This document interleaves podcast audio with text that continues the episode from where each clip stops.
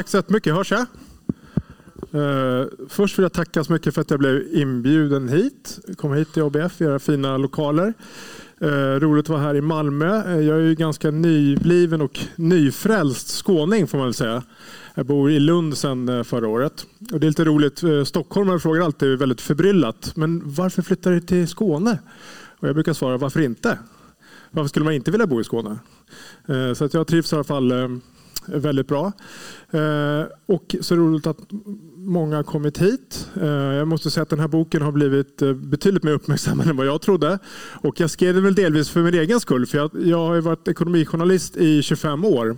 Om man bevakar ett område länge så är det lätt att bli lite hemmablind och inte liksom reagera på saker. Men jag tyckte de senaste åren att äh, saker och ting hade, hade spårat ur. Men jag såg inte någon större debatt om det. Så jag tänkte att det kanske är jag som har blivit eh, galen. Eh, men nu har jag hört ganska många som sagt att de, de blir galna när de läser boken och det är en stor lättnad för mig. Eh, måste jag säga. Jag tänkte börja, det här är en bok om Sverige, vad som har hänt i Sverige de senaste 25 åren ungefär. En ganska stor förändring av samhället skulle jag vilja påstå. Och framförallt mentaliteten i samhället. Men jag skulle vilja börja den här berättelsen i USA. För att, som nu är aktuellt förstås med, med valet. Eh, och det är ju ganska många märkliga strömningar som är i USA. Och Det tror jag hänger ihop ganska mycket med, med ämnet i min bok, nämligen ojämlikhet. Eh, och så. Men, det, men det kommer vi till. Men jag var där då 2017 till 2019 när jag var korrespondent för tidningen Dagens Industri och skulle bevaka Silicon Valley, alltså Facebook, Google och, och sådär.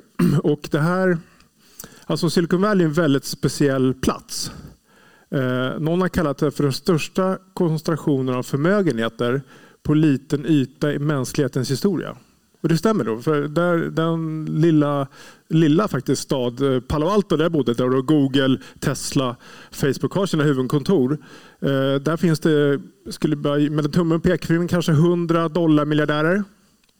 Eh, och som, det har exploderat de senaste 10-15 åren. Eh, så det finns enormt mycket, mycket pengar. Och eh, det var någon eh, som berättade för mig att om man har mindre än 100 miljoner dollar förmögenhet i Palo Alto, då är man en så kallad civilian. Det vill säga att man är en nolla. Man är, man är ingenting. Det är ingenting att skryta om. Och jag, jag träffade någon som i sin tur hade haft någonting att göra med en, en, läkare på Stanford som gjorde lite såna här investeringar vid sidan om eh, och med sin forskning. Och han beklagade sig över att han hade bara tjänat 50 miljoner dollar så han var en ganska misslyckad investerare tyckte han. Bara för, för att få lite, lite perspektiv. Men när jag kom dit så, så är det väldigt tydligt. Eh, dels förstås att det finns mycket pengar i omlopp men också att det är enorma eh, kontraster och klyftor. Och en sak som vi noterade ganska snabbt när vi kom dit var att det var väldigt mycket husbilar i Palo Alto. Alltså de stod parkerade längs gatorna nästan överallt. Och först tänkte vi att det var någon orienteringstävling i stan eller att det var väldigt stort campingintresse bland eh, liksom invånarna. Men när vi frågade runt lite så förklarade folk att nej, men där bor de som inte jobbar på Facebook. Som kanske jobbar på restaurang eller på bibliotek eller till och med kanske i vården eller som brandmän. Varför då? Jo, därför att om man tycker att den svenska husmarknaden är galen så är det liksom en gäspning jämfört med Kalifornien. Eh, Palo Alto, där jag bodde då, där var snittpriset för en villa 3,5 miljoner dollar. Alltså 35 miljoner kronor. Eh, och hyrorna var, jag tror en etta kostar från 5 000 dollar, alltså 50 000 kronor i månaden uppåt. Så då inser man snabbt att det inte är aktuellt om man är brandman och bo i Palo Alto, utan då får man ju pendla. Och då pendlade man mellan två, tre, fyra, fem timmar om dagen.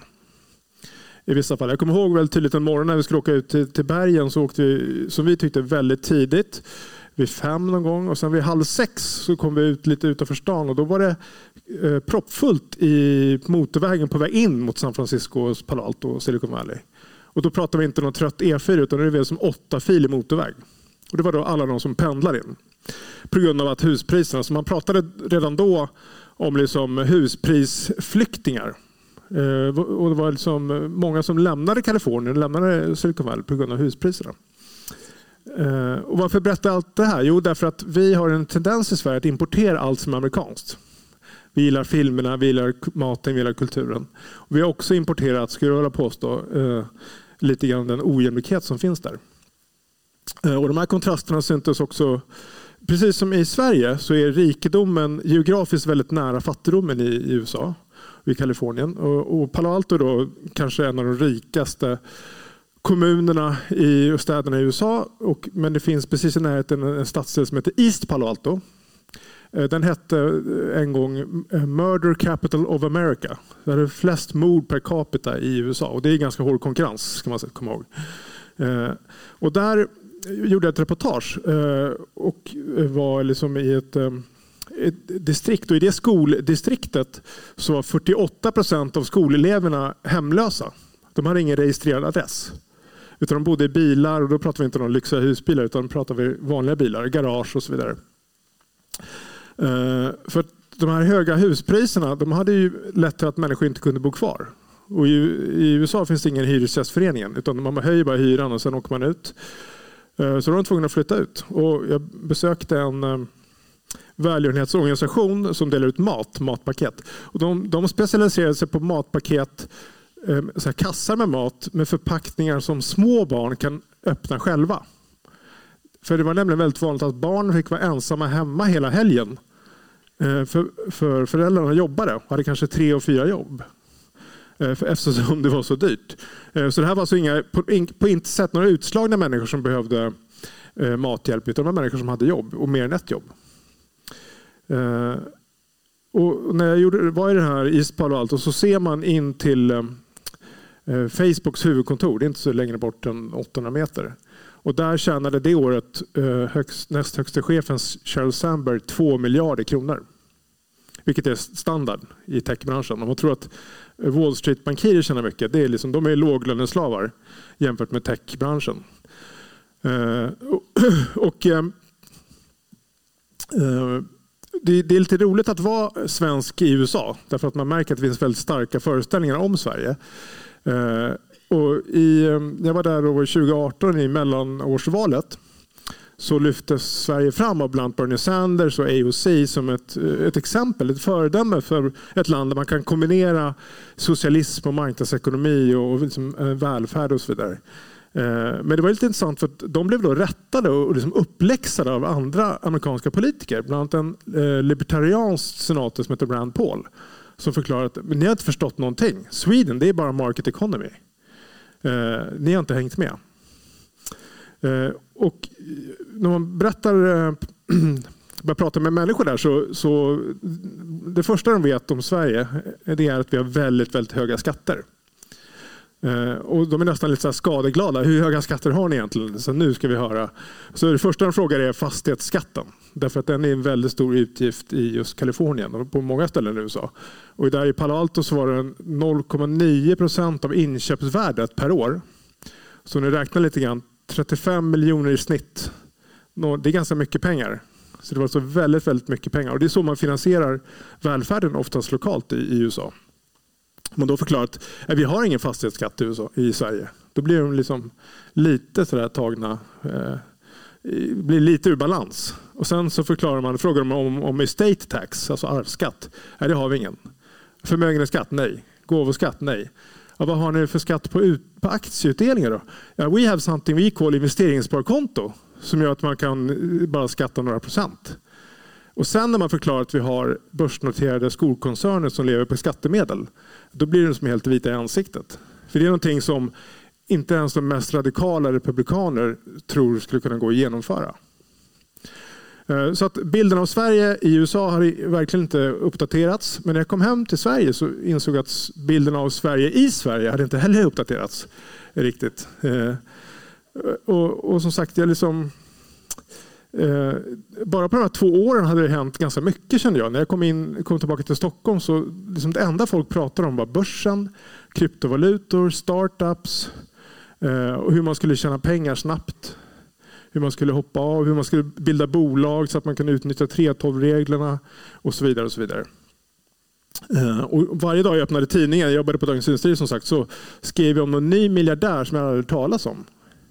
Alltså när jag började som ekonomijournalist 96-97 då hade vi mindre än 30 miljardärer i Sverige. Och de flesta var liksom väldigt välkända figurer i samhället. Det var, liksom, det var Rausing, det var Kampra, det var H.M. Persson och så vidare. Och nu var det miljardärer som inte, alltså, ni skulle inte kunna identifiera de flesta av dem under pistolhot. Därför att de är liksom helt, eh, helt okända, helt anonyma. Och det var företag som dök upp som alla talas om som gjorde förlust som värderades till många, många miljarder.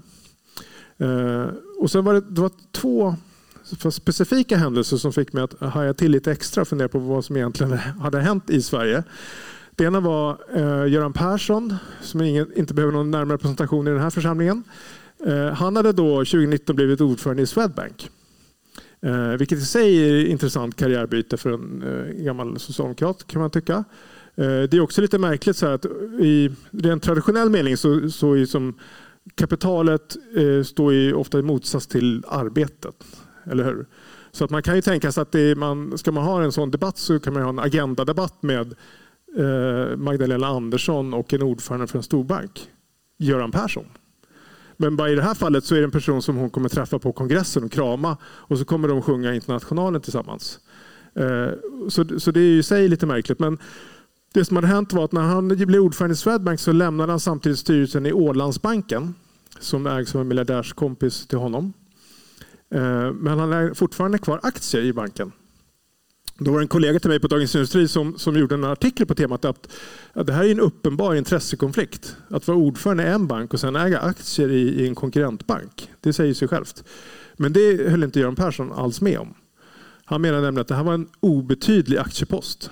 Alltså kan det inte vara intressekonflikt. Och de här aktierna var då värda 5 miljoner kronor. Eh, så det tyckte jag var, sen, sen när blev 5 miljoner liksom kaffepengar för en gammal socialdemokratisk partiledare? Alltså jag är inte så inläst på det här men min bild av Tage Lander är inte liksom att han att, att fem miljoner hade varit ingenting för honom eller Ingvar Carlsson. Och det var ju helt rätt. Eh, för bara för någon månad sedan så uppdaterade jag förmögenheten hos eh, Sveriges liksom ledande tidigare politiker. Då landade Göran Persson på förmögenhet på 200 miljoner. Och då är fem miljoner inte så mycket. Så det var någon som tyckte att det var någon typ av samhällsförskjutning som ändå måste ha skett. Eh, från eh, Ingvar Carlsson till att fem miljoner är inte så mycket. Det andra var faktiskt en annan socialdemokrat och det är inte någon, någon, att jag stalkar socialdemokratin utan det var intressant som fenomen, nämligen Ilja Batljan som ni säkert känner till också, som hade startat ett bolag som heter Samhällsbyggnadsbolaget. Jag visste vem det här var innan jag åkte till USA, men när jag kom tillbaka så var han plötsligt miljardär. Och varje dag så steg kursen på SBB. Och det tyckte jag var lite märkligt. Jag kommer ju precis från Silicon Valley och jag är ju som van vid att aktiekurser kan ju stiga snabbt. Men, men eh, hus är ju trots allt inte någon banbrytande teknologisk eh, innovation. Hus är hus, det har funnits i liksom, eh, tusentals år. Och det ska inte kunna gå att bygga upp ett bolag från noll till fastigheter på 150 miljarder på några år. Tyckte jag. Och han, det visade sig att han blev ju sen dollarmiljardär. Alltså en förmögenhet på mer än en miljard dollar dubbelt så snabbt som Daniel Ek på Spotify. På att, eh, eh på att äga fastigheter. Och det som var extra intressant med det var vilka fastigheter han, hade, han ägde och hur, hur han hade skapat den här förmögenheten. Nämligen han hade ju köpt eh, fastigheter av oss. Alltså offentligt ägda fastigheter från kommuner. Så kallade samhällsfastigheter. Eh, om man tittar då, eh, hans aktiekurs hade gått upp 600 procent på några år. Och vilka hade sålt? Jo, det var vi. Vem hade gjort den bästa affären? Man behöver inte kunna så mycket om, om eh, företagsekonomi för att eh, han hade gjort en bra affär och vi hade gjort en väldigt dålig affär. Eh, och det var eh, som ganska intressant därför att han eh, i sina presentationer så, så, visade han, och gör fortfarande, eh, bland de första sidorna så visar han så här, Sverige har eh, bland de högsta kreditbetygen i världen ett av fåtal länder som har AAA, alltså det finaste kreditbetyget. Varför visar han det? Jo, därför att det innebär att i slutändan kommer han alltid få sina hyror betalda om han eh, hyr ut i polishus, vårdcentraler, skolor. Därför att i slutändan är det vi som garanterar de pengarna. Och för honom innebär det väldigt låg risk. Och att tjäna mycket pengar till låg risk, det är ju investerarens våta dröm. Eh, och det här har ju ehm, och vi kan prata mer om det sen, men det här är ju kommuner och regioner och andra eh, kommuninvesterare har förklarat att det här är en väldigt dålig, dålig affär. Och tyvärr blev den eh, ännu sämre snabbare än vad man trodde. För att eh, de här hyreskontrakten är eh, kopplade till någonting som man också skryter om eh, inför sina investerare till eh, KPI, inflationen. Och den görs en avstämning precis nu i dagarna faktiskt. Och det innebär att nästa år så kommer alla som har sålt, och, sålt sina fastigheter och hyrt tillbaka dem av SBB får en hyreshöjning på ungefär 11 procent. Och det, jag, jag har inte jobbat i förskola eller skola men min känsla är inte att man har så jättestora marginaler. Eh, så det blir en ganska hård, eh, hård smäll. Eh, så där fick mig att börja undersöka vad som hade hänt i Sverige. Och jag började med att jag tänkte att jag måste börja med att undersöka det med miljardärerna. För det, jag var själv liksom lite fascinerad över att det var så många miljardärer som jag inte kände igen. Eh, och I Sverige har vi länge gjort miljardärslistor. Det är olika tidningar som brukar göra dem. Eh, I ungefär 20 år var det Veckans Affärer.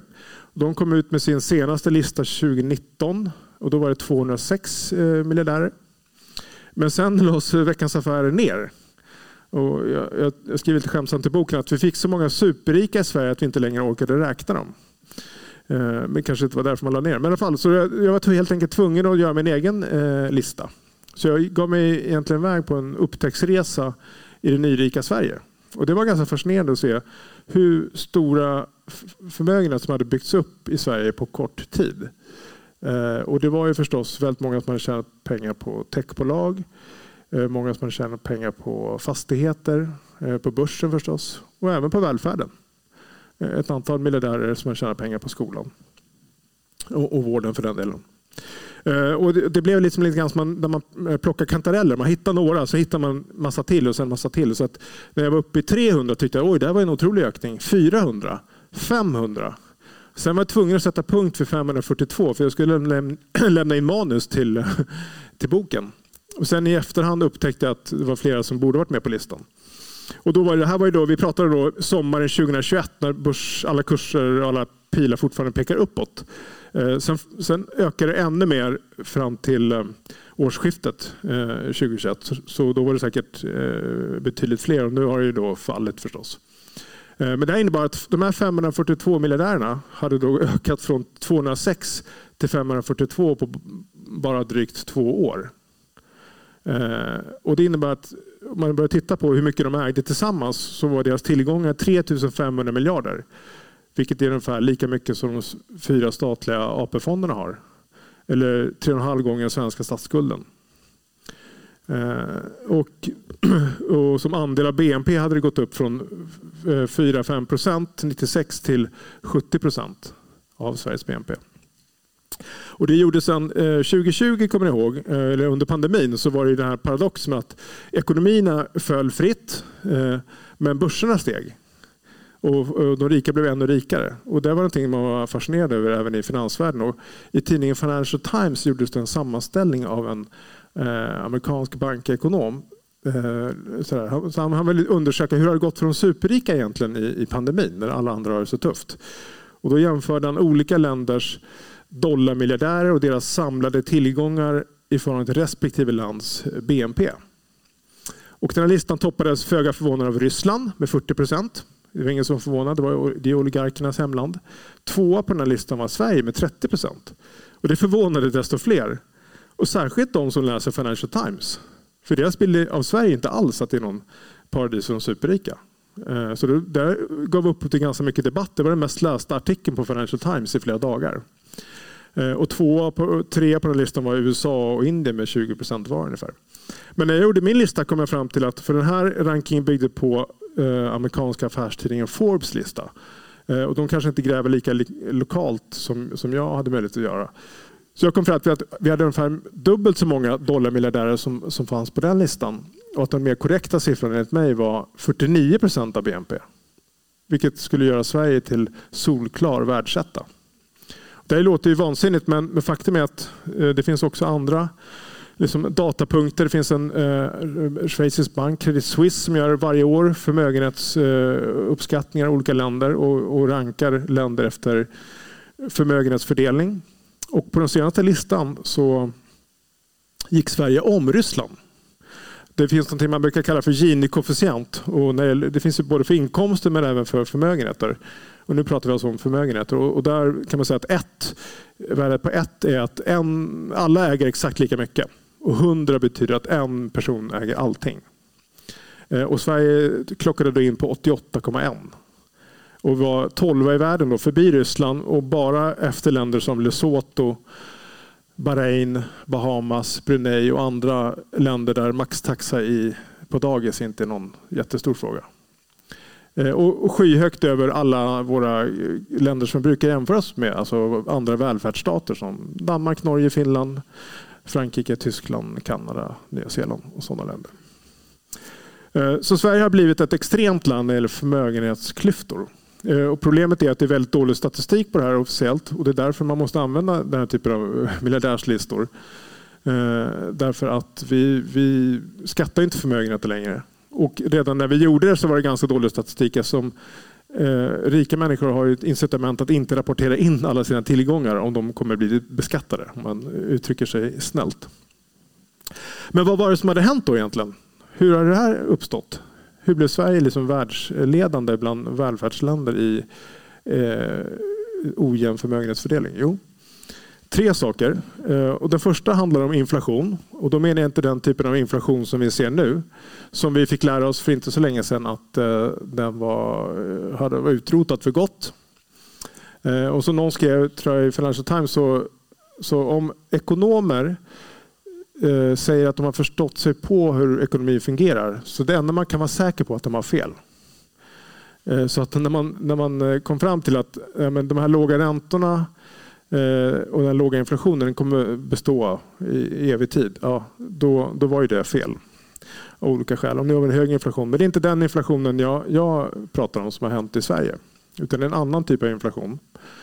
Som man kan kalla för tillgångsinflation. Nämligen inflation, stigande priser på tillgångar som bostäder, fastigheter och aktier.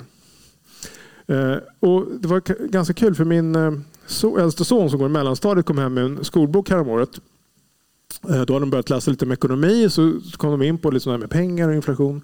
Då stod det en faktaruta att ett, ett land kan inte bara trycka upp nya pengar för att bli rikt. Och det kallas inflation när pengar faller i värde. Som, som av det så drar man slutsatsen att det finns ett samband mellan inflation och hur mycket pengar det finns. Och som av en händelse så är det precis den definitionen som om man bara går tillbaka en generation nationalekonomer var så man definierade inflation. Inflation var alltid lika med mer pengar i omlopp. Och det kan man ju, om man tänker efter är det ju ganska logiskt. Ungefär som att det, ju fler samlarkort du har desto mindre blir de värda. Alltså ju, mer ju mer det finns av någonting desto mindre är varje enhet värd. Eh, då kan man fråga sig, har det hänt någonting med mängden pengar i Sverige? Jo, det får man väl säga. Den har ökat väldigt, väldigt snabbt under lång tid. Eh, faktum är att under pandemin så ökade mängden kronor i omlopp, alltså kronor på bankkonton och så vidare, det som man kallar för, för pengar, eh, med 35 procent. Så mer än var fjärde krona i omlopp fanns inte före pandemin. Och så här såg det ut i många länder. Men Sverige ligger liksom i, i, i toppen även där. Eh, så det här har ju då eh, lett, inte till vanlig inflation, inte på dyrare avokado, liksom bensin eller, eller ved eller sådana saker, utan inflation i tillgångar. Faktum är att man, om man lägger kurvan över penningmängden i Sverige, som man brukar säga när man pratar om mängden kronor, och eh, med svenska bostadspriser så följer de varandra nästan spöklikt. Och det är inte så konstigt därför att eh, hur, hur kommer pengar ut i ekonomin? Ja, vi kanske har läst om att Riksbanken kan skapa pengar. Och det kan de. Det har de gjort eh, jättemycket under pandemin. När de, har köpt, eh, de har köpt statsobligationer och de har köpt bostadsobligationer. Och det har de gjort för att liksom få ner räntan ännu mer. Eh, det har visat sig vara en, en, en ganska dålig affär. Att man köpte dem när priserna var som allra högst, det vill säga räntan var som lägst. Och nu, Riksbankens förluster på de här köpen är ungefär storleksordningen 100 miljarder. Och det är någonting som vi kommer att täcka upp i nästa års budget. Det valde man att inte nämna i den här budgeten av förklarliga skäl. Eh, men Riksbanken kan skapa pengar och det gör de. Eh, det låter konstigt men de gör det i tomma intet. Eh, jag gjorde ett reportage en gång om, på Riksbanken. Och man gjorde samma sak under finanskrisen 2008-2009. Man köpte olika värdepapper och sådär. Och då var vi uppe på handlarrummet som det kallas på Riksbanken där det här sker rent praktiskt. Och då visar de lite grann så här, ja men så här är det. Om säg att Swedbank ska liksom uh, låna 10 miljarder, om de ska ha sålt något värdepapper eller liknande. Då, eh, då trycker man upp Swedbanks namn på den här terminalen, skriver in beloppet 10 miljarder och så trycker man på enter. Så har de fått 10 miljarder. Och då frågade jag fotografen, var kommer de pengarna ifrån? Och då var det en kille som gjorde så här. Nämligen en centralbank kan eh, skapa pengar i tomma intet. Eh, men det är inte pengar som vi kan använda. Det är bara pengar som används i betalningssystemet RIX mellan bankerna.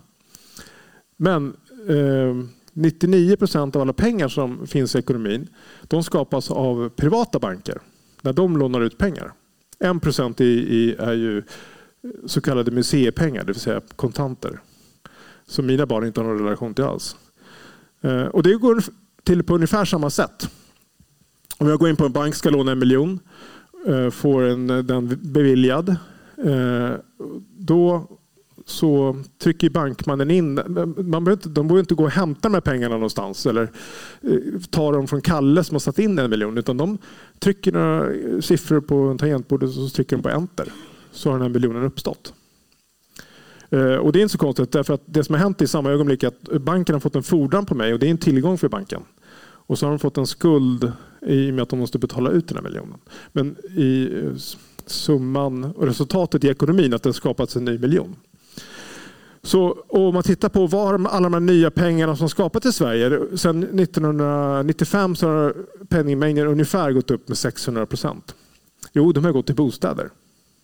För banken har lånat ut och de pengarna har eh, använts för att köpa bostäder i stor utsträckning. Vad har hänt med bostadspriserna? Eh, ja, de har ju gått upp. Eh, och man kan nästan säga att, att eh, man kan nästan tala om att vi har två olika kronor i Sverige. En man kan kalla för liksom eh, konsumentkronor som vi köper liksom mat och annat för. Där har ju prisutvecklingen och värdet varit väldigt stabilt över lång tid. Sen har vi tillgångskronor och där har det varit desto mer instabilt. Alltså 1996, om man hade en miljon, så kunde man då köpa, om vi tar ett genomsnittspris för bostäder i Sverige, 200 kvadratmeter stor lägenhet 96. 2021 var det nere på 22 kvadrat och i Stockholm bara 10 kvadrat. Det är alltså en enorm försämring av köpkraften för pengar. Det vill säga att hade du, hade du en miljon 96 och så tänkte du det här ska jag spara, nästa år ska jag gå in på marknaden. Men jag kommer liksom aldrig till skott. Och för varje år så blir det bara mindre och mindre och mindre. Först hade du liksom en 200 kvadrat och nu sitter du med liksom 20 kvadrat. Det är en enorm inflation. Det är en enorm liksom, erodering av köpkraft. Och då kan man tänka sig att det här är någonting som, som Riksbanken borde hålla koll på. Så Riksbankens mål enligt riksbankslagen är att se till att vi har prisstabilitet i Sverige. Men eh, de bryr sig inte alls om det här. Så de är bara intresserade av prisstabilitet på konsumentkronor. Eh, och då har till och med ehm, experter på Statistiska centralbyrån påpekat att det är lite konstigt att Eh, när man räknar ut inflationen i Sverige, som är i sig en väldigt komplicerad eh, historia, så tar man inte alls hänsyn till eh, bostadspriserna. Man tar hänsyn till dem i så mått att ränteutgifter och bostadsrättsavgifter kommer med. Men när räntorna faller så stiger bara den, faller den. Det ser ut som att våra boendekostnader bara sjunker och sjunker. Men huruvida vi har köpt en lägenhet för en miljon eller 10 miljoner eller 50 miljoner, det tar man inte någon hänsyn till alls. Och de påpekar att det är lite märkligt med tanke på att det har ganska stor effekt på ekonomin. Eh, men det har ju varit orsaken till att, till att eh, Riksbanken har kunnat haft så låg ränta under så lång tid. Och vi hade ju länge, då, i flera år, sju år, hade vi minusränta. Någonting som Riksbanken faktiskt sa inte ens kunde inträffa några år tidigare. Och det här eh, låga räntan, det, in, det, är per definition eh, så, så ökar det tillgångspriserna. Det är, det är, nästan ett matematiskt samband. Ju lägre ränta desto mer eh, så stiger priserna. Därför att man kan säga det, om man ska förklara på det, men lite, det är lite förenklat, men eh, ränta är samma sak som tidsvärdet på pengar kan man säga. Så ju, längre, ju, längre, ju lägre räntan är, desto mer ska, måste du vänta. Desto, desto längre fram i framtiden måste du gå för att liksom eh, hämta din vinst. om man säger så. Och det är därför då, det som värderas upp mest när det är låg ränta det är eh, teknikbolag som inte har någon vinst alls. Eh, och Det har vi sett nu vad som har hänt när räntan har gått upp. Då har till exempel Klarna som tidigare var värt 500 miljarder. Alltså två storbanker. två Handelsbanken. Eh, trots att det är en pyttebank och går med enorma förluster. Eh, nu när räntan stigit lite grann så har de, har de fallit med 85 procent i sin värdering. Och det är därför de här låga räntorna är också orsaken till att vi kan ha eh, elsparkcyklar som förorenar gatorna. Därför att alla de här elsparksbolagen deras uppdrag från investerarna är att bara skapa tillväxt till vilket pris som helst. Det spelar ingen roll om de gör vinst eller inte. Eh, och då, och då har du fått den, de effekterna. Men det här är också en, en typ av förmögenhetsöverföring. Alltså om vi har väldigt låga räntor då för vi egentligen över pengar från människor som inte äger saker, som kanske sparar på bank, vilket man faktiskt gjorde för någon generation sedan, till människor som äger tillgångar. Särskilt sådana människor som äger tillgångar som de har köpt för lånade pengar. Och det, här, det här var någonting som eh, Riksgälds, Riksgäldens generaldirektör sa i, i, i riksdagen faktiskt vid en utfrågning. Att det här är en förmögenhetsöverföring.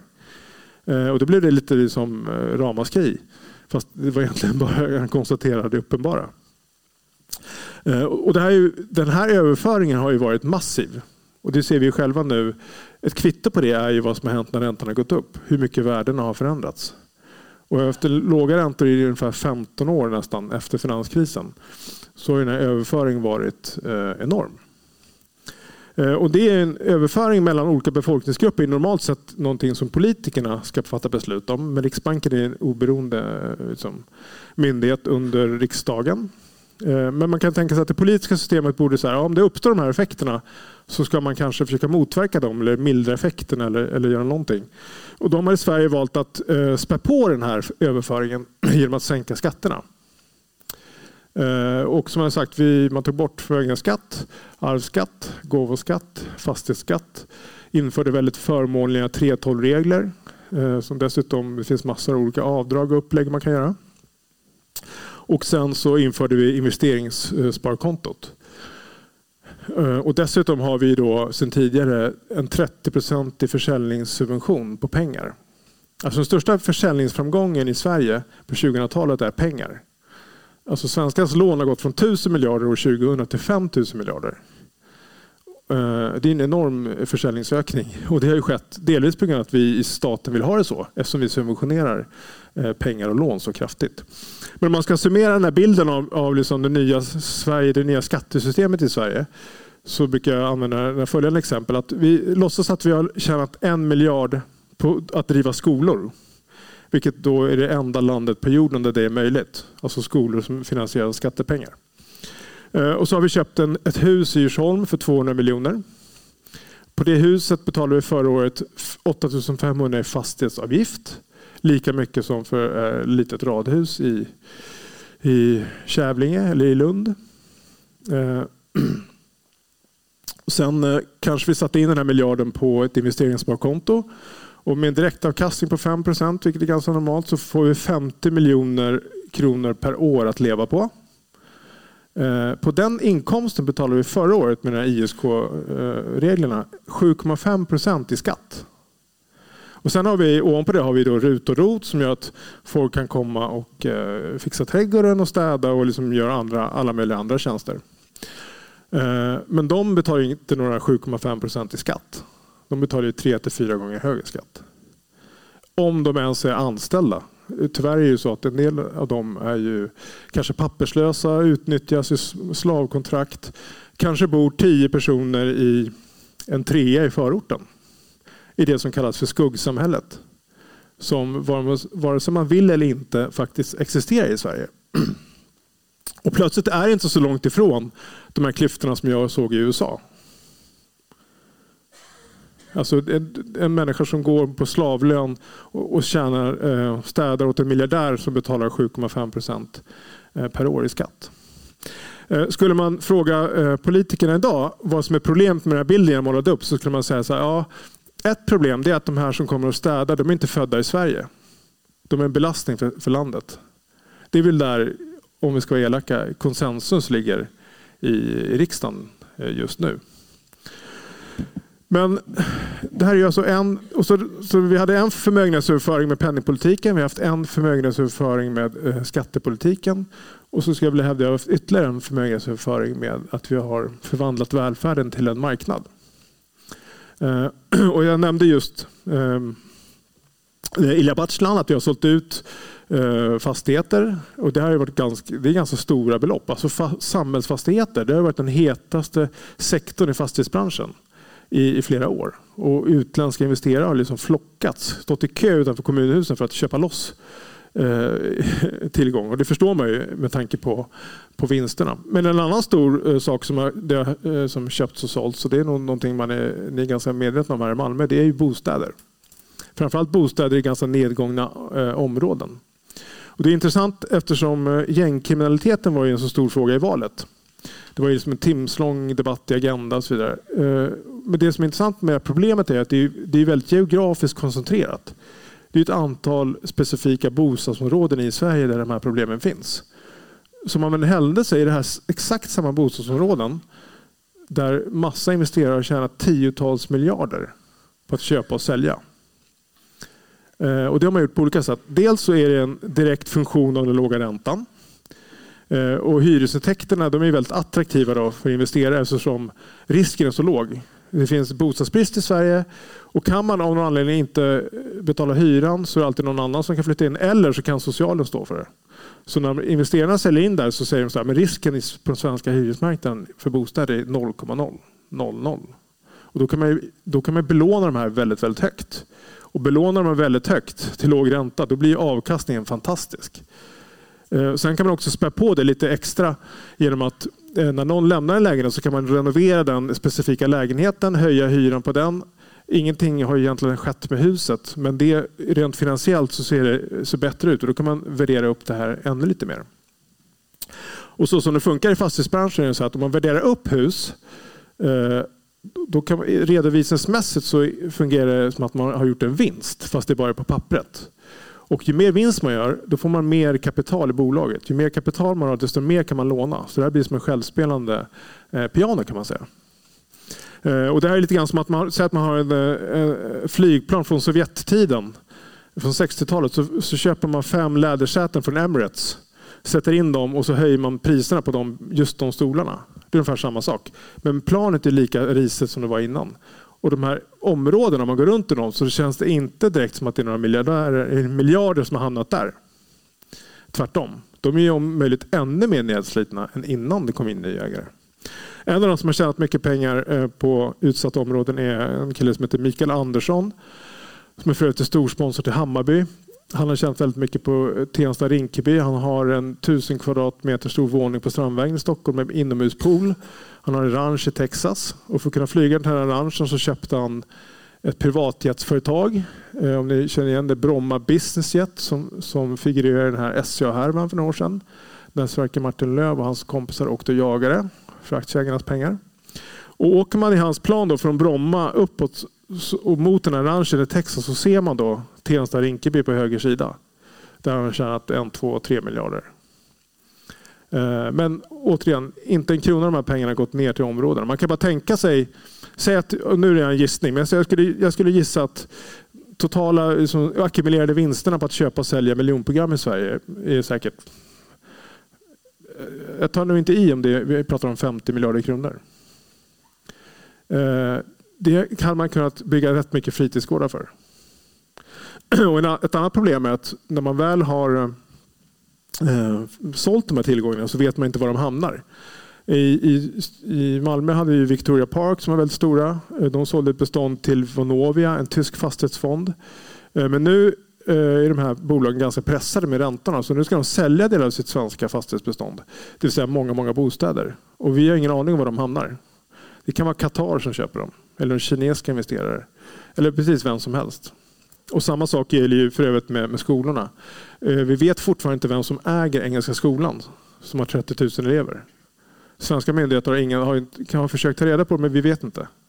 Och, och en, ehm, en utländsk investerare kan ju, om man vill ta över stora delar av det svenska skolsystemet. Eh, och, vi, och det finns ingenting vi kan göra, göra åt det. Eh, och det här, den här mentaliteten har ju, eller mentaliteten, den här ehm, eh, synen på välfärden som en marknad har ju också sipprat över i olika eh, statliga företag.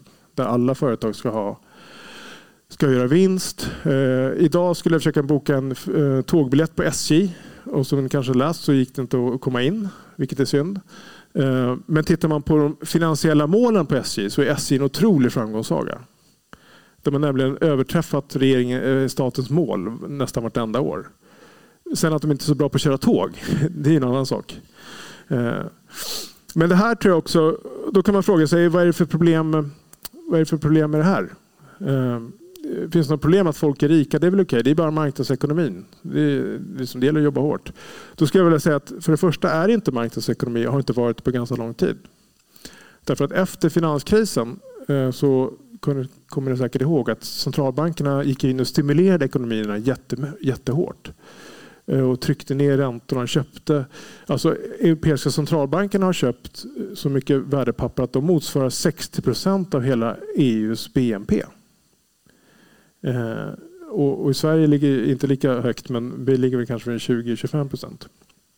Det är alltså massiva, massiva stimulanser. Och de senaste tio åren eh, efter eurokrisen så är det ju inte marknaden som har satt till exempel räntan för Italien när Italien ska låna pengar. För hade marknaden satt räntan då hade Italien varit konkurs. Utan det som har satt marknaden är att man vet att ECB kommer gå in och stödköpa om räntan går upp för mycket. Och det har man precis gjort eh, nu även senast under, under, under pandemin och även efter pandemin. Så det är inte marknadsekonomi.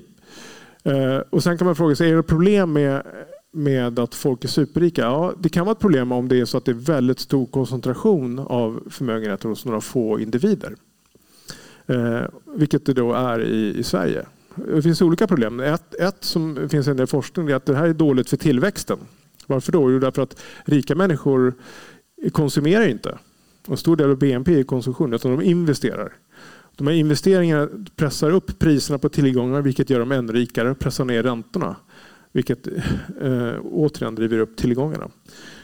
Eh, och som en händelse, under de senaste 15 åren efter finanskrisen när mycket av det här i Sverige har accelererat så har vi haft en usel tillväxt i Sverige. Alltså mätt som BNP per capita. Den har varit ungefär hälften så stor som vi var vana vid under de 30-35 åren som kom, var innan. Och då säger säkert någon direkt att ja, det måste vara invandringen. Nej, men så enkelt är det inte. Eh, därför att eh, det här var problem även långt före 2015 och den här, den här stora liksom, flyktingvågen. Så här, det, det, Sverige har ett stort problem med dålig produktivitet, dålig tillväxt. Och man kan ju fråga sig om det finns ett samband. Eh, sen den kanske största eh, faran för Sverige, eller den största bieffekten av den här utvecklingen. Så tänk, e, tänk efter, vad händer med om tillgångar går upp i värde och tillgångsinflationen är väldigt kraftig. Eh, vad tror ni händer med skuldsättningen i landet? Jo, den ökar jättemycket. Så det är skulder som finansierar hela uppgången.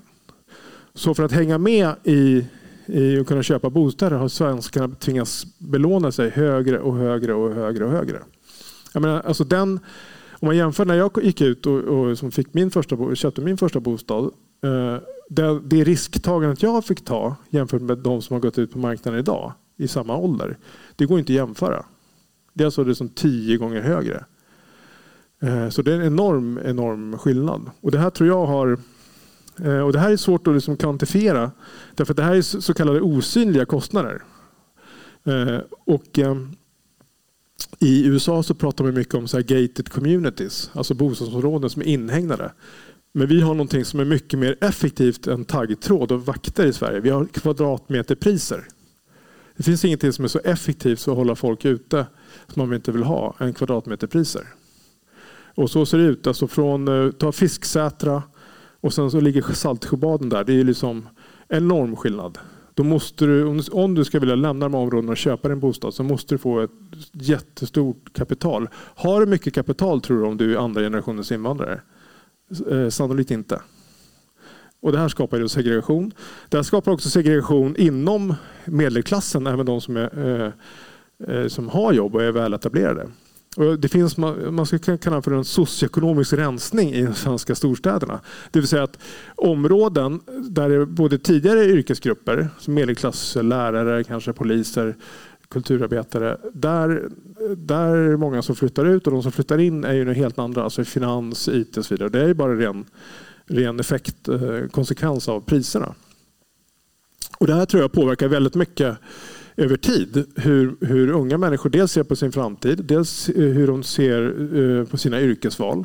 Om ta två, ett par som träffas på Polishögskolan i Stockholm och sen går ut och börjar jobba och tjänar eh, 27-28 000 kronor i månaden och inte har några rika föräldrar. De måste ju pendla ganska långt.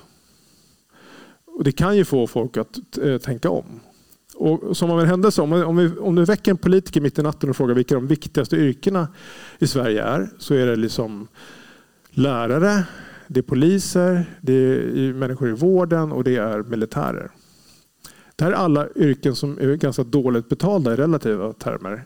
Och särskilt dåligt betalda i relativa termer till bostadspriserna där de ska arbeta.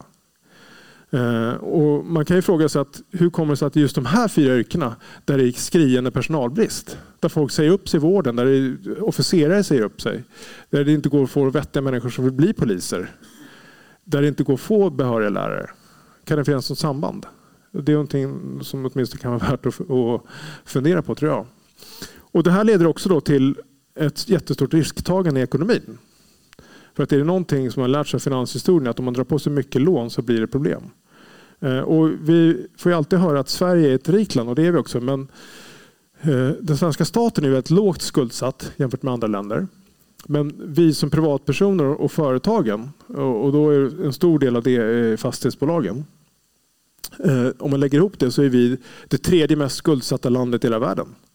Efter Hongkong och Luxemburg. Eh, en är liksom en ren fastighetsekonomi i en diktatur och den andra är ett skatteparadis. Vad innebär det här? Jo, det innebär att vi är ett av de mest räntekänsliga länderna i hela världen. Och det är därför det blir krigsrubriken när Riksbanken har höjt räntan till 1,75 procent. Vilket för några år sedan ansågs som en låg ränta. Före finanskrisen. Eh, och, och, Du ser just nu vad som händer. Att eh, människor liksom drar in på sin konsumtion. och, och till, Lyssnar man på ekonomerna så ser man framför sig någon typ av lågkonjunktur eller kanske ännu värre. Eh, de svenska fastighetsbolagen har jättestora problem nu. De, har ju, de kan inte låna pengar. De måste låna till... Liksom, eh, de lånade, S, Ilja Batljan kunde låna till minusränta eh, i början på 2021, sommaren 2021. Nu om man går ut igen så måste han betala 8 procent. Eh, så det här visar lite grann vad som har hänt. Eh, och vad är problemet med det? Och tittar man på forskningen så är det så här, skenande ojämlikhet det är en klassisk varningssignal för en kommande finanskrasch. 1929 föregicks ju av eh, väldigt snabbt ökande klyftor. Eh, och det här är någonting som vi i Sverige eh, borde se upp för. Och faktum är att varenda internationell ekonom som har kommit till Sverige de senaste 20 åren har ju påpekat det här. Men av någon anledning så har vi inte riktigt eh, lyssnat. Eh, och det är lite märkligt att vi hade en tioårsperiod nästan där, där med väldigt, väldigt låga räntor där vi hade kunnat fasa ut ränteavdraget till exempel. Eh, vi kunde infört ännu tuffare amorteringskrav. Vi kunde ha haft eh, ännu tuffare bankregler för det hade inte märkt så mycket. Men av det hände ju absolut ingenting. Och nu är det fönstret stängt. Eh, och, det här är ju någonstans att eh, Eh, det här är ett problem för eh, nästa generation. För det som händer i finanskriser är att privata skulder har en tendens att bli offentliga skulder. Alltså den svenska skulden mätt som BNP eh, på 90-talskrisen ökade med ungefär 50 procentenheter. Så om, om vi vill se illa så har vi plötsligt inte så låg statsskuld.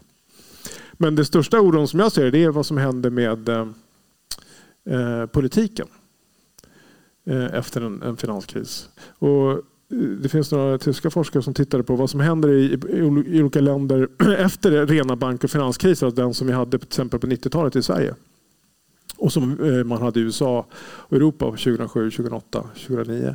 Då kan man se att eh, stora partier tappar mark, får svårare att regera.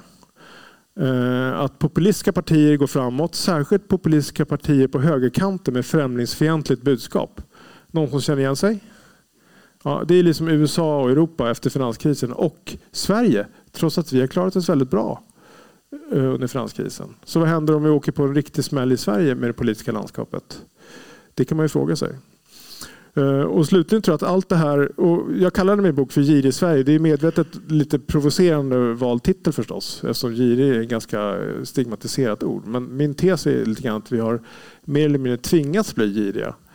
Jag menar, de som växer upp idag vet att man måste ha jättemycket pengar för att bo. Man måste sköta sin pension.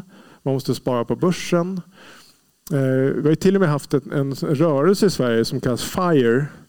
Eh, Financially eh, Independent och Retire Early står det för. Så det innebär att man ska liksom samla upp en jättestor aktieportfölj och pension vid 40. Och det här är hyllats. Det finns ju massa reportage. Även min egen tidning har gjort många reportage om det här. Men om man tänker efter lite vad det här innebär. Eh, så är det lite grann så här. Om, vänta, om, om, vi, om man jobbar och går pension vid 40 och sen lever på aktieutdelning. Hur mycket skatt bidrar man då med? Det är inte mycket. Då kommer ju, om alla gör så, så kommer ju ekonomin kollapsa fullständigt. Det andra är så här, det här hela upplägget bygger på dels att börsen alltid ska gå upp, vilket nu många har lärt sig den hårda vägen att den inte gör. Och dels att beskattningen är väldigt gynnsam. Så jag menar, våra barn säger vi så här, men det är jätteviktigt att utbilda dig och skaffa ett jättebra jobb. Vi kan bli läkare, advokat och sådär. Eh, jo, men skattesystemet säger så här, samla ihop lite pengar och bli daytrader. Då kommer du verkligen bli gynnad. Eh, för att, att, och I Stockholm, liksom i finanskretsar, när jag blev eh, ekonomijournalist så var det då handlar vi mycket om direktörernas löner. Jag kom att eh, första, som, eller första våren jag jobbade så Eh, gick Håkan Mogren som var VD på AstraZeneca, eller på Astra som det hette på den tiden. Han var den första VDn på börsen som gick över 10 miljoner i årslön. Och det ledde till en ganska infekterad debatt. Stig Malm kallade det för svineri och girighet och Marita Ulvskog var arg och så vidare. Och det fanns en moralisk diskussion. Vad är rimligt? Är det, som, är det groteska summor och så vidare? Den diskussionen är helt bortblåst idag. 10 miljoner det motsvarar en, års, en månadslön för de bäst betalda på Stockholmsbörsen. Och tittar man på Spotify, de högsta cheferna, har ju de dragit in 400 miljoner per år. Och det är massor av människor, tjänstemän på riskkapitalbolagen har blivit miljardärer genom att eh, skära emellan eh, av vinsten på våra pensionspengar. Ingen tycker att det är konstigt överhuvudtaget. Eh, så det här tror jag gör någonting med mentaliteten. Då kan man fråga sig vad om man som liksom ung människa tittar uppåt och säger så här, hur, var, hur, har liksom, hur har idolerna gjort? Eller liksom de som har varit eh, de högst uppsatta i samhället, vilken väg har de gått? Ja, om vi tittar på de mest tongivande personerna under de senaste 25 åren så har vi Göran Persson, Björn Rosengren, eh, Per Nuder, vi har Fredrik Reinfeldt, Anders Borg och några till. Och den fattigaste i det här gänget har ungefär 50 miljoner. Och är då förstås jättestora vinnare på nya skatteregler och liksom eh, förmånligt eh, allmänt klimat för, för investeringar. Det är klart att hade jag varit eh, som så kallad gräsrot hade jag börjat fundera lite. Vad är liksom vad är, är det det som är målet? Eh, vad är målet med samhället? Är målet att casha in eller vad är det? Varför ska någon vilja bli lärare? Eh, det ger ju inga pengar. Man kan bli politiker för då kan man casha in sen. Eh, och det är lite intressant den här skrönan som inte är en skröna med, med Tage Landers fru som kom upp och lämnade tillbaka blyertspennor till regeringskansliet. Det här är, det här är statens egendom. För om man får en förtroendepost, som jag ser det, det är min åsikt, så får du arbetsverktyg. Du får en dator, du får en telefon, du får kontakter och du får information. Och kontakter, du får ju kontakter som du aldrig annars hade fått tillgång till. Jag menar, är du finansminister så lär du känna hela världens finansministrar. Är du, är du minister så blir du på förhandsbasis med massa industriledare i, i Sverige. Om det är energiminister eller näringsminister. Eh, och du får information. Hur tänker olika aktörer? Det här är ju hårdvaluta. Det här kan man sälja för jättemycket pengar. Och det är det som många, många politiker har gjort. Det har blivit en hel industri av att sälja de här tillgångarna, det här kapitalet. Som jag skulle säga är förtroendekapital. Eh, och det där tror jag över tid påverkar ganska mycket eh, mentaliteten. Om jag skulle bara avrunda så en sak som jag tyckte var märklig när jag kom hem från Sverige och när jag såg alla de här nya miljardärerna och, så här, och, och liksom de som, man såg att de hade haft så enorma fördelar av så mycket som hade hänt i samhället. Ändå var de så, så missnöjda och kände sig liksom ifrågasatta. Och Ila Batslan var jättearg och någon sa att du kanske har vunnit mycket på låga räntan eller så. Eh, och Conny Jonsson som hade en förmögenhet på 25 miljarder på att inte ta någon risk trots att han kallas för riskkapitalist. Han var också jättearg. Tyckte att det var fruktansvärt att det var så dålig eh, att det var så hård granskning av entreprenörer i Sverige. Och det fanns en, en, amerikansk eh, sociolog eller antropolog som gjorde ett experiment där han lät studenter spela det här klassiska brädspelet Monopol. Och så fick de dra lott. Så ena halvan fick vara vinnare och andra förlorare. Och vinnarna fick då fördelar. Man fick mer pengar när man passerade gå. Man fick fler tärningar. Så, så spelet var ju riggat så att de skulle vinna. Och så studerar man vad hände under spelet och vad hände efter. Och ganska snabbt så kunde man observera att vinnarna började bete sig annorlunda, började ta mer plats, var mer högljudda, började pika förlorarna. Liksom, det var någon, något experiment som någon hade ätit av någon så salta kringlor på ett ganska slafsigt och otrevligt sätt. Eh, och, så där. och Det var väldigt tydligt. Och efteråt när man intervjuade de här så, så var det många som sa att jag vann på grund av min skicklighet. Trots att de visste att de hade haft Eh, fördelar. Och det här är enligt forskningen att det är ju som kognitivt är vi funtade så människor att framgångar vill vi härleda till vår egen eh, förmåga. Det är en del av vår överlevnadsinstinkt. Och, så har det blivit att de här som har fått enorma fördelar de ser att det här är deras egen förtjänst. Det här är deras egen skicklighet. Och de förlorarna, vad, vad, vad säger de? Är ingenting, för de har ingen röst. De som bor i, i, i som Fittja, Tensta, Rinkeby eh, som, som går och städar hos den här miljardären, de har ingen röst. De har inga lobbyister eller någon eh, skriver debattartiklar i DN.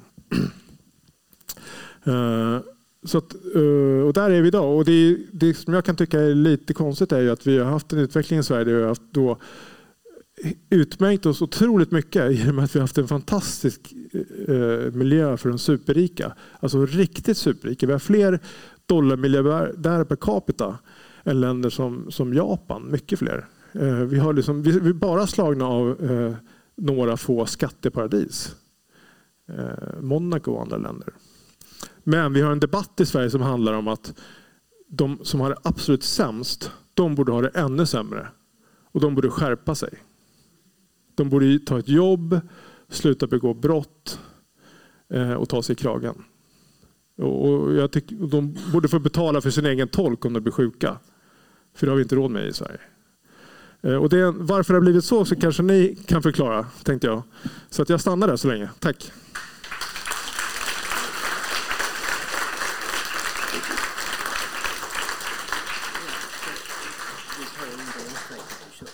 Mm? Ja. Hallå, hörs jag? Ja, det är bra. Eh, jag hade ett tag tänkt att vi skulle ha en bensträckare, men gör vi det så tar det tid och vi har sagt att vi ska sluta klockan åtta. Så att vi kör igång med en eh, gång och då har vi två stycken som ska sköta eh, det här med när ni vill eh, ställa någon fråga. Och ni som ställer frågor, gör det kort. Va? Så, hinner, så är det fler som kan ställa frågor också. Eh, det är Nadjam där och så är det Andreas där. Och det är bara att köra igång. Ni får söka upp dem efterhand. Anton. Ta Anton.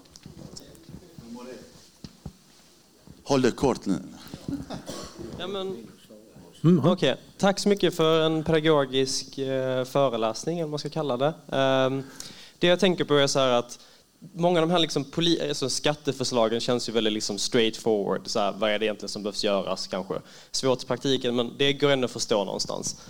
Det jag tänker på är liksom, eh, du pratar väldigt mycket om räntan eh, och att, liksom att det är ett stort problem. Är det liksom att, tänker du att det är riksdagen ska, som ska reglera liksom, om man ska ha något liksom, tillgångsinflationsmål eller någonting? Och då som följdfråga på det blir ju att så egentligen så följer ju bara Riksbanken, ECB och Fed här och liksom följer bara den räntan de sätter. Och vad liksom, i så fall, vad kan Sverige göra mot liksom, ränteläget mm.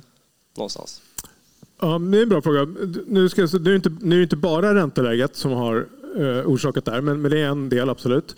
Eh, vad kan man göra åt det? Jo, alltså man ska komma ihåg att eh, Riksbanken har haft en extrem penningpolitik även jämfört med omvärlden. Och, eh, eh alltså jämfört med liksom jämförbara länder givet den konjunktur vi har haft. Eh, ECB måste komma ihåg att under många år när vi hade minusränta då gick ju eurozonen på knäna. Medan vi hade en ganska eh, liksom, förhållandevis bra tillväxt. Men det som Riksbanken gjorde var ju att man eh, bakband sig lite själv. Att man tog bort det här toleransintervallet. Tidigare så tilläts inflationen eh, pendla mellan 1 till 3 procent. Sen kom man på eget bevåg fram till att den ska vara exakt 2 procent. Och, och, när det föll ner då, under ner mot 1 procent och en, till och med lite lägre, då var det uppenbarligen extremt allvarligt för Sverige som man vidtog extrema åtgärder, inte bara minusränta utan även eh, värdepappersköp. Det som var lite märkligare var dock att när, när inflationen gick upp så borde man med samma logik ha väldigt snabbt höjt räntan men man väntade nästan ett år. Eh, så det blir lite asymmetrisk räntepolitik. Men där finns det, eh, det här är ju en liksom global diskussion. Eh, och man kan ju säga så här att, och det, det säger ju ibland Riksbanken mellan skål och vägg, så att jo, men vi kan inte så mycket göra. Men då, tror jag, då tycker jag det är viktigt att kommunicera det. Att vi har en centralbank i Sverige, men den kan nästa, in, nästan inte göra någonting. Men så låter det ju aldrig på Stefan Ingves. Om det nu är så, det tror jag inte riktigt stämmer heller, så, så borde man vara väldigt eh, tydlig med det. Men även givet det så kan man ju, eh, finns det mycket man kan göra. Och det finns andra länder som har valt en högre eh, räntepolitik. Eh, Men att eh, köra med minusränta i, i sju år. Eh, det andra är ju då politikerna. Vad kan man göra där? Jo, där som du sa, det, det som är lite konstigt är att ska man lyssna på forskningen så är det ganska givet att man ska ha fastighetsskatt, någon form av förmögenhetsskatt, någon typ av arvsskatt. Det är inte ens kontroversiellt. Eh, men politiskt verkar det vara ganska eh, dödfött. Och jag intervjuade Thomas Piketty för några veckor sedan och han, han hans tes var att Sverige lider av så kallat litet landsyndrom. Det vill säga att vi tror att vi inte kan gå emot finansmarknadens logik utan vi måste anpassa oss hela tiden. Och då kan vi inte ha den här typen av skatter och då vågar vi ingenting. Men det är klart att om man, om man berättar för människor att det finns bara en enda skattepolitik som är möjlig, nämligen att eh, man ska gynna kapitalägare väldigt mycket. Ja, det kan ju föda viss frustration. Ska komma ihåg nu i den senaste budgeten att vad är det som finansierar välfärden? Jo, det är ju skatt på arbete. Skatt, skatt, direkt och indirekt skatt på arbete står för 85 procent av våra skatteintäkter. Eh, kapitalskatter på hushåll 4,5 procent. Och då ska man komma ihåg att efter, efter eh, liksom 15 år av stigande tillgångar, den siffran borde ju vara mycket, mycket högre. Eh, så att eh, det är klart att det, det är just det gapet. Hur, att vi, det, de som jobbar ska ska eh, betala välfärden. De som äger kapital och tillgångar ska curlas lite grann för att man är så mått och hoppas att de ska skapa jobb. Det är så logiken ser ut. Och det tredje är ju det här apropå enkla saker. Man kan ju börja med att inte sälja ut tillgångar. Eh, det är ju väldigt enkelt. Det krävs inte någon större ideologisk eh, eh, seminarium om det tycker jag. Men det är, det är, några tankar. Men det här är ju det är inga, det är inga lätta saker. Men, men och när det gäller centralbanken är det här en diskussion som, som är över hela världen. Det är inte bara Riksbanken som har gjort bort sig. Även om jag tycker att Riksbanken har gjort bort sig mer än andra.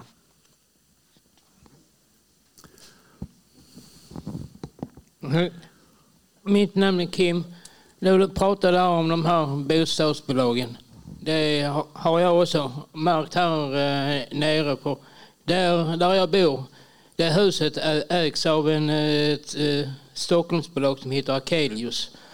Eller nej, eh, Gyllenforsen som då i sin tur förvaltas det av Newsec och där håller de på ju med renovräk och sånt. Så fort någon flyttar ut så blir det betongrent i lägenheten. Sen pimpar de upp den och så sen höjer de hyran med 3-4 tusen. Men uteskalet det gör de inte ett skit på.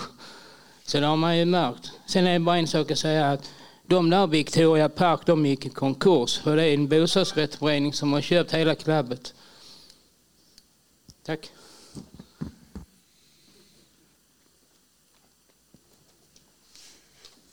Är det min tur nu? Ja. Jaha, tack så mycket. Då undrar jag, vad betyder de här alltså alla de här länderna som öste ut pengar under pandemin och som gick mycket till företag, vad jag har förstått i alla fall. Och vad betyder det för inflationen som kommer nu? Alla de här länderna har en hög inflation efter detta. Du var själv inne på det här, va? att man, om man ger till exempel barnbidraget kom till en gång i tiden för att mindre bemedlade människor skulle ha råd att äta ungefär. Va? Mm. Och då använder man det till det. Men gick pengarna nu till kapital, alltså till eh, fastigheter och så vidare och så vidare. Vad betyder det här med att man öste ut pengar på Just det, det. viset. Men precis, och det kan man, man ska komma ihåg att det här, eh, samma saker gjordes ju, eh, centralbankerna köpte ju också jättemycket saker efter finanskrisen. Och då var det en del som varnade för inflation. Eh, det här måste betyda inflation, men då måste man liksom komma ihåg hur det funkar. Nämligen att när de gör det så är det inte säkert att det kommer ut mer pengar i ekonomin i omlopp. För när man har haft en liksom kris där många har lånat för mycket, då drar ju bankerna ner sina lån. Då blir det mindre pengar i ekonomin. Så då, då kom det ingen sån. Däremot blev det inflation på tillgångar eftersom räntan var så låg. Det som hände nu var ju att man gjorde samma sak fast det är liksom fem gånger mer. Men samtidigt så pumpar man ju ut pengar eh, i form av stödprogram till olika företag, hushåll i USA skickar man checkar till höger och vänster för att stötta. Och, och plus att den här äh, mängden pengar som skapades blir så enormt stor. Så det, det hade närmast varit sensationellt om det inte hade blivit någon typ av inflation. Det hade ju gått emot alla liksom, egentligen ekonomiska samband. Eh, och det är inte den hela förklaringen men, men det, är, det är för enkelt att, att, att skylla liksom bara på Putin som man försökte göra i början. Eh, det här är också ett problem att det varit väldigt, väldigt mycket pengar så att när, eh, när priserna började stiga då hade man råd att betala de höga priserna. Företagen höjde priserna och så vidare. Då har man ju fått igång den här inflations, eh, inflationsspiralen som vi fortfarande inte har eh, fått stopp på. Så det är lite, råder delade meningar om, om det men jag skulle hävda att man kan, är, man kan inte bara bortse från att man skapade 25-30% mer pengar på två år i hela världen. Kan du vara hygglig och förklara det här med att spara i ladorna?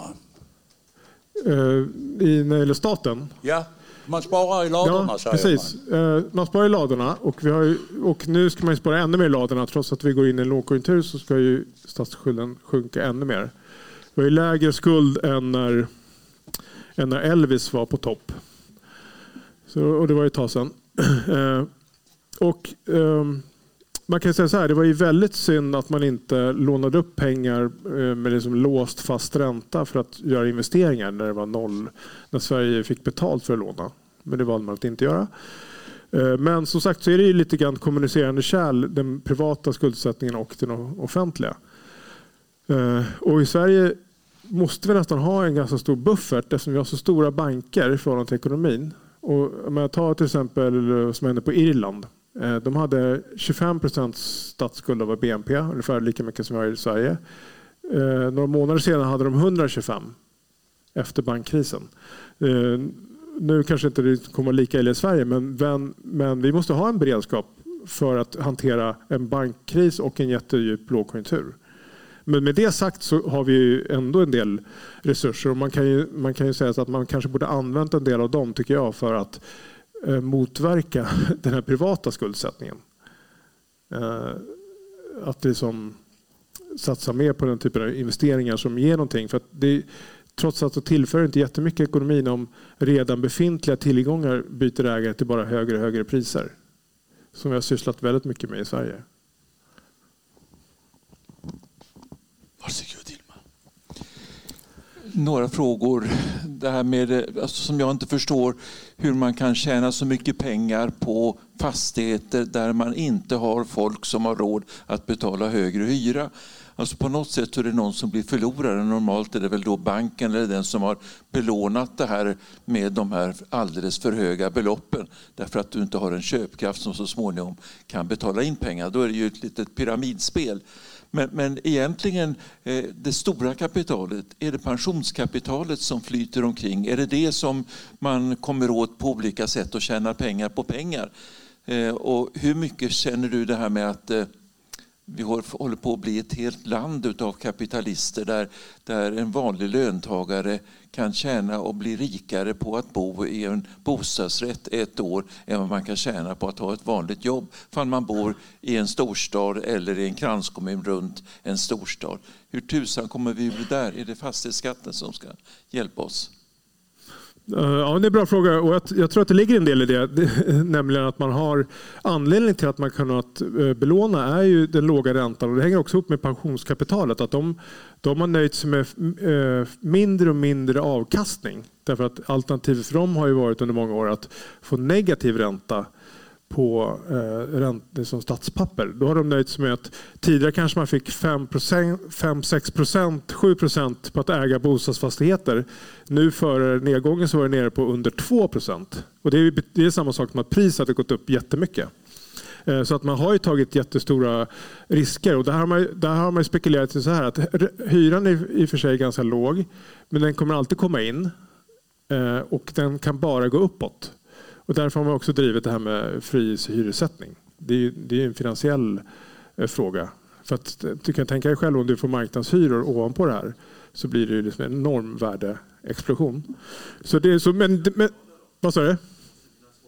Ja, men så, så, som de resonerar. Och det, det tror jag hänger... Eh, det finns en, ehm, en del av det tror jag är helt rätt. Att man har tagit alldeles för stora risker och underskattat, överskattat betalningsförmågan eh, hos en del av de områdena som man har hyrt ut. Men så som de resonerar så, så är det så att eftersom vi har bostadsbrist i Sverige så hittar man alltid hyresgäster och det finns också en, en räddning i form av att, av att har man ingen betalningsförmåga så går staten in via försörjningsstöd eller bostadsbidrag. Så det är i alla fall så de resonerar. Nu tror jag att det, att det är en bubbla som har absolut skapats där och det är inte bra för bo, bostadsområdena, inte bra, inte bra för kommunerna. Det är ju, det, I slutändan blir det kommunerna som får ta hand om, om det här. Så är det ju. Eh, och, och, den andra frågan var när det gäller kapitalister. Jo, man ska komma ihåg att allt det här jag pratat om är mer eller mindre drivet av liksom finansmarknaden och finansmarknaden är vi i form av pensionskapitalet. Men en sak jag skriver en del om i boken är just en, en av de största, absolut största vinnarna på alla de här trenderna, det vill säga låga räntor, låga skatter att vi säljer ut tillgångar, det är ju riskkapitalisterna. Eh, till exempel EQT då, som delvis ägs av Wallenberg. Och där är det lite fascinerande. Där har vi, bara på EQT så finns det 20-25 miljardärer. Och det här är inte några eh, liksom finansmän i den meningen att det är människor som tagit på sig lån som kan sen gå omkull som vi såg på 90-talet. Utan det här är ju tjänstemän, en typ av konsulter som inte tar någon risk alls. Faktum är att den risk som tas, den tas av de företag de köper. De köper ett företag, så låter de företaget dra på sig jättestora lån. Eh, och eh, så nu när räntorna stiger, då kan företaget gå i konkurs. Och det är liksom inget problem för dem. Eh, det värsta som ska hända är att deras fond går dåligt. Och det de gör då är att de tar 20 procent enkelt uttryckt av vinsten på det här. Och det har skapat, och som man pratar om vinster i välfärden, så är det här är liksom kanske det främsta exemplet. För det här är ju 20 procenten, det är sånt som annars hade blivit pensioner. Om de som förvaltar våra pensionspengar hade varit lite tuffare förhandlare. För att jag menar, man kan tänka sig att om de hade fått eh, 10 000 kronor i timmen, det är bra betalt för att liksom sköta våra pensionspengar. Men då hade det inte blivit i närheten så mycket pengar som det nu har blivit. Alltså de här på EQT har ju då tiotals miljarder per person plus att de får en bonus och vinstdelning på ofta flera hundra miljoner per person per år. Och det här är oavsett om man kommer runt så är det våra, våra pengar, inte bara våra svenska. Men det, det är så här, lärare i Ohio, sjuksköterskor i Kalifornien. Det är så marknaden fungerar. Men det här har inte varit någon debatt om alls eh, som jag har sett. Och sen den sista frågan är, ja, ja men det, där tycker jag är väldigt viktigt att vad är det för signaler vi, vi skickar? För vi, återigen, som vi har konstruerat vårt skattesystem och vår välfärd så, så måste vi ha människor som jobbar. Det är det, som, det är det vi får in pengar på. Och de ska jobba länge dessutom. Så det är inte alls bra om, om de hoppar av och blir liksom spekulanter. Men, men det har ju många blivit eftersom det har varit så gynnsamt och det har gått upp så mycket. Eh, och jag kommer ihåg att när jag skrev den här så var det, hade precis kommit den här eh, ungdomsbarometern som mäter då, eh, eh liksom, åsikter hos de yngsta. Och årets raket var att tjäna pengar. Det hade gått om att umgås med familjen. Så de unga har också snappat upp det här att det är pengar, det är cash som gäller. Eh, och det tror jag inte är någonting särskilt om, för vi vill ju att människor ska jobba för att få in pengar. Vi vill att människor ska så här, forska och rädda klimatet. De ska, de ska jobba i välfärd, de ska försvara landet, de ska vara poliser. Då får vi nog liksom göra om lite tror jag. Eh, I incitamentsstrukturen som man pratar om i näringslivet. Hejsan, Ulf Attles heter jag. Eh, någonstans här skönjer jag svaret på, på en fråga jag ställt mig ganska länge kring valutorna. För att den svenska kronan blir bara svagare och svagare trots att liksom allting egentligen med konkurrenskraft och det du sa innan med, med att det, Sverige är AAA. Och, alltså, och ändå är alltid svaret på att, att man flyr eh, valutor som, som på något sätt skulle ha hög risk eller mm. små länder mm. Eller, någonting. Och jag har inte fått ihop det. Finns svaret på det här också? Att, så att säga, den här förmögenhetsbubblan på något sätt om man har drivit upp det för mm. mycket på den sidan. Är, är det svaret egentligen på även valutan? Eh, det är ett av svaren tror jag. Valutor är lite liksom speciellt eh, eftersom det kan hända. Det är väldigt mycket ett relativt spel. Det är nämligen att när räntan går upp i USA då säljer man alla liksom, eh, länder som har lägre ränta och flyttar pengarna dit. Och då kanske man säljer ett litet land först. Eh, så det är en förklaring. Men jag hänger med att det finns ingen logik i att Sverige alltså jämfört med många, många andra länder har haft en ganska bra ekonomi. Eh, vi har haft en låg tillväxt med våra mått mätt men många andra länder har haft mycket sämre. Men vi har haft en jättesvag valuta under lång tid.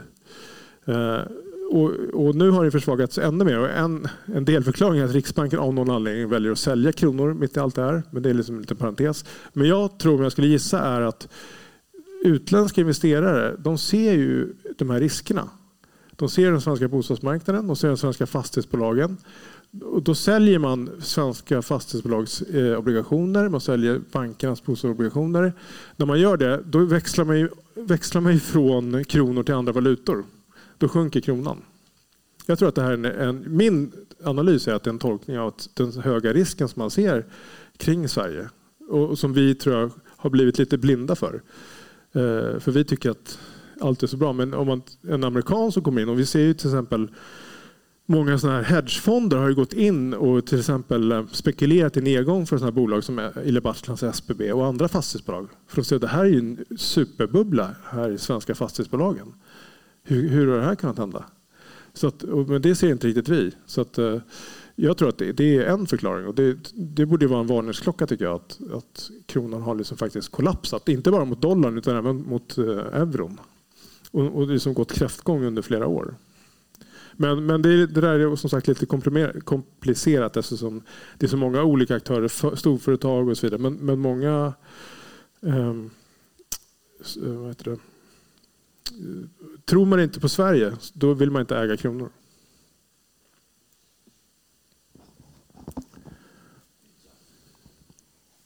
Jag får inte hålla den själv. Eh, jo, nej men jag, jag tror att många som sitter här inne är ju socialdemokrater som är väldigt missnöjda med detta.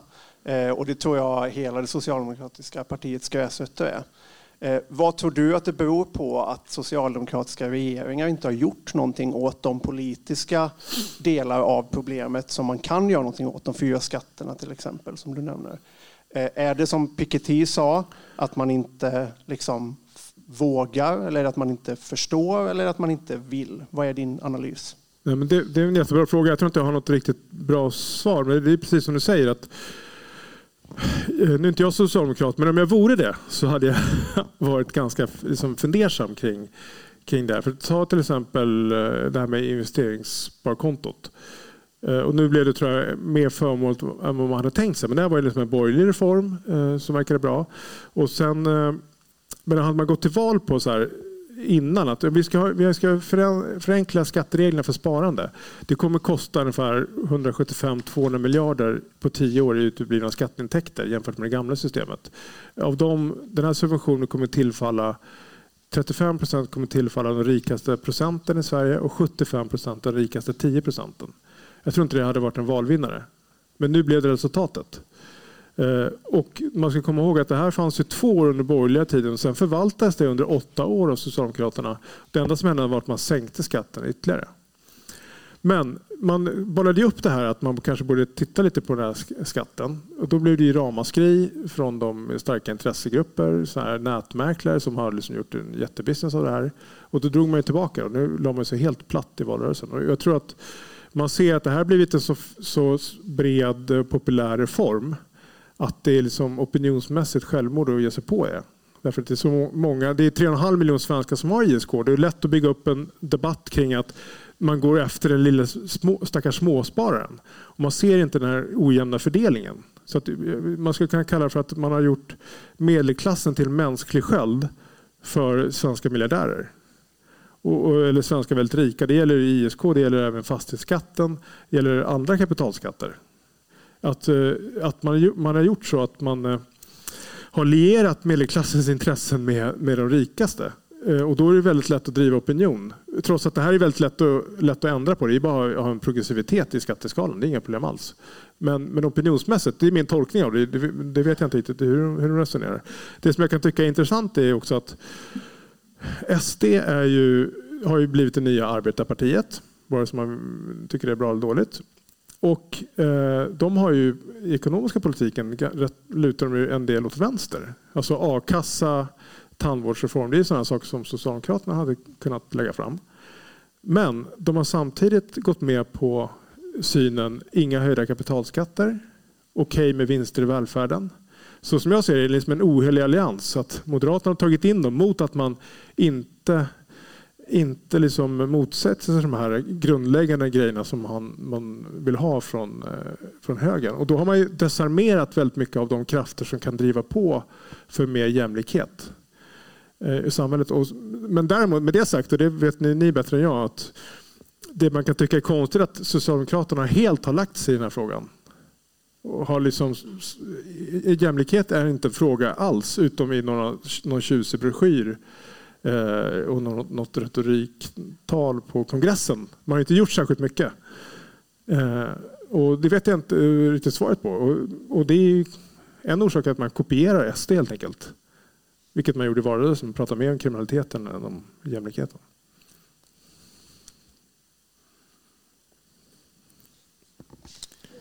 Ja, eh, för mig handlar det här i grund och botten mycket om, om mentalitet som du var inne lite på. Och Eh, en väldig rädsla som jag upplever för regleringar i allmänhet. Eh, hur kommer det sig att den här utvecklingen, eh, att vi ser den just i Sverige? Finns det någon analys på det? Är det en motreaktion på lilla landet lagom eller finns det något, något annat där? Liksom, som hur till exempel skatteintäkterna per capita ut i Danmark om man bara gör en sån, sån jämförelse?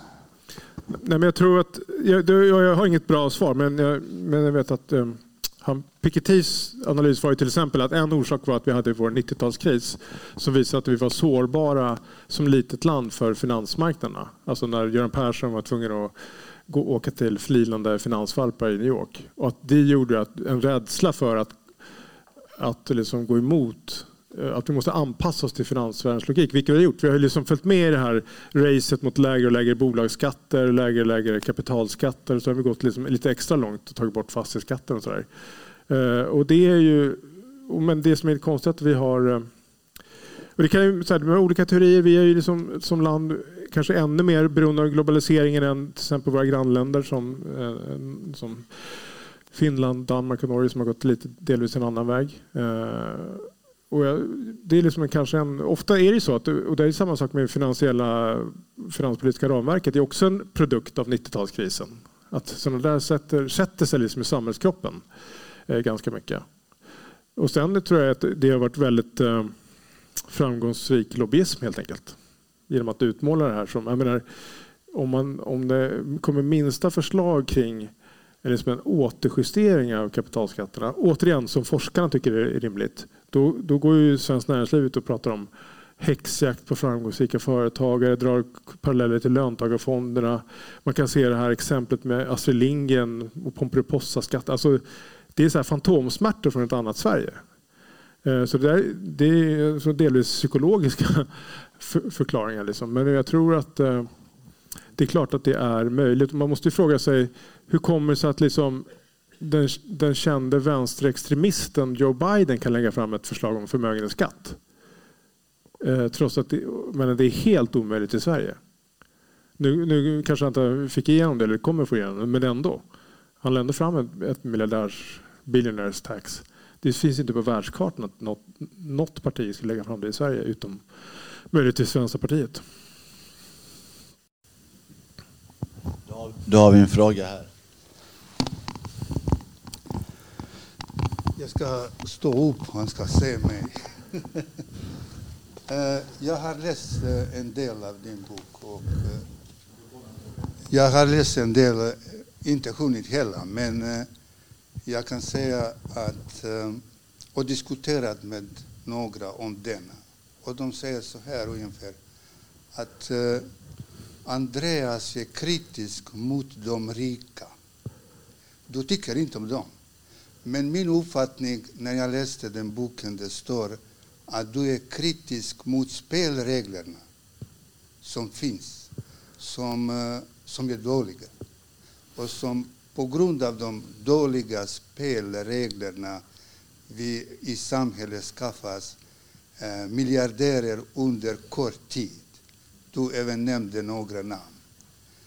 Och jag, min fråga till dig, vi är lite här, du ser oss, vi är lite eh, med din berättelse eh, chockade. Eftersom jag själv har läst många böcker, men inte den typ av boken. Du här står med referenser, med namnen som du pekar på. sådana. Då min fråga till dig, har du fått någon kommentar från dem som du skrivit deras namn i din bok och som är utpekade på något sätt? Tack så mycket. Ja, tack. Eh, faktum, faktum är att jag har fått eh, flera spontana eh, mejl från miljardärer som tycker att det här är en dålig utveckling. Några av dem nämner jag i boken, men det finns även, även andra. För, för det som, oavsett vad man kanske tror så är det ganska många i finansvärlden som tycker att det här är, har blivit liksom sjukt. De kan se det själva och mellan, mellan skål och, liksom, och vägg så kan man oftast få höra det. Att, att det har blivit sjukt och det har blivit så för förmånligt. Det här med ISK är jättekonstigt. Jag vet att det finns en stor podd för, som handlar om eh, folk som lever på daytrading som tycker att det är sjukt att vi betalar så lite skatt. Eh, och frågar i finanskvarteren så ja, det här med 312 har ju spårat ur lite grann. Och så, så, att, så den bilden finns och framförallt så tror jag man ser att det här gynnar ju inte oss eh, på sikt heller. Vi kommer ju skadas av det här på massa olika sätt.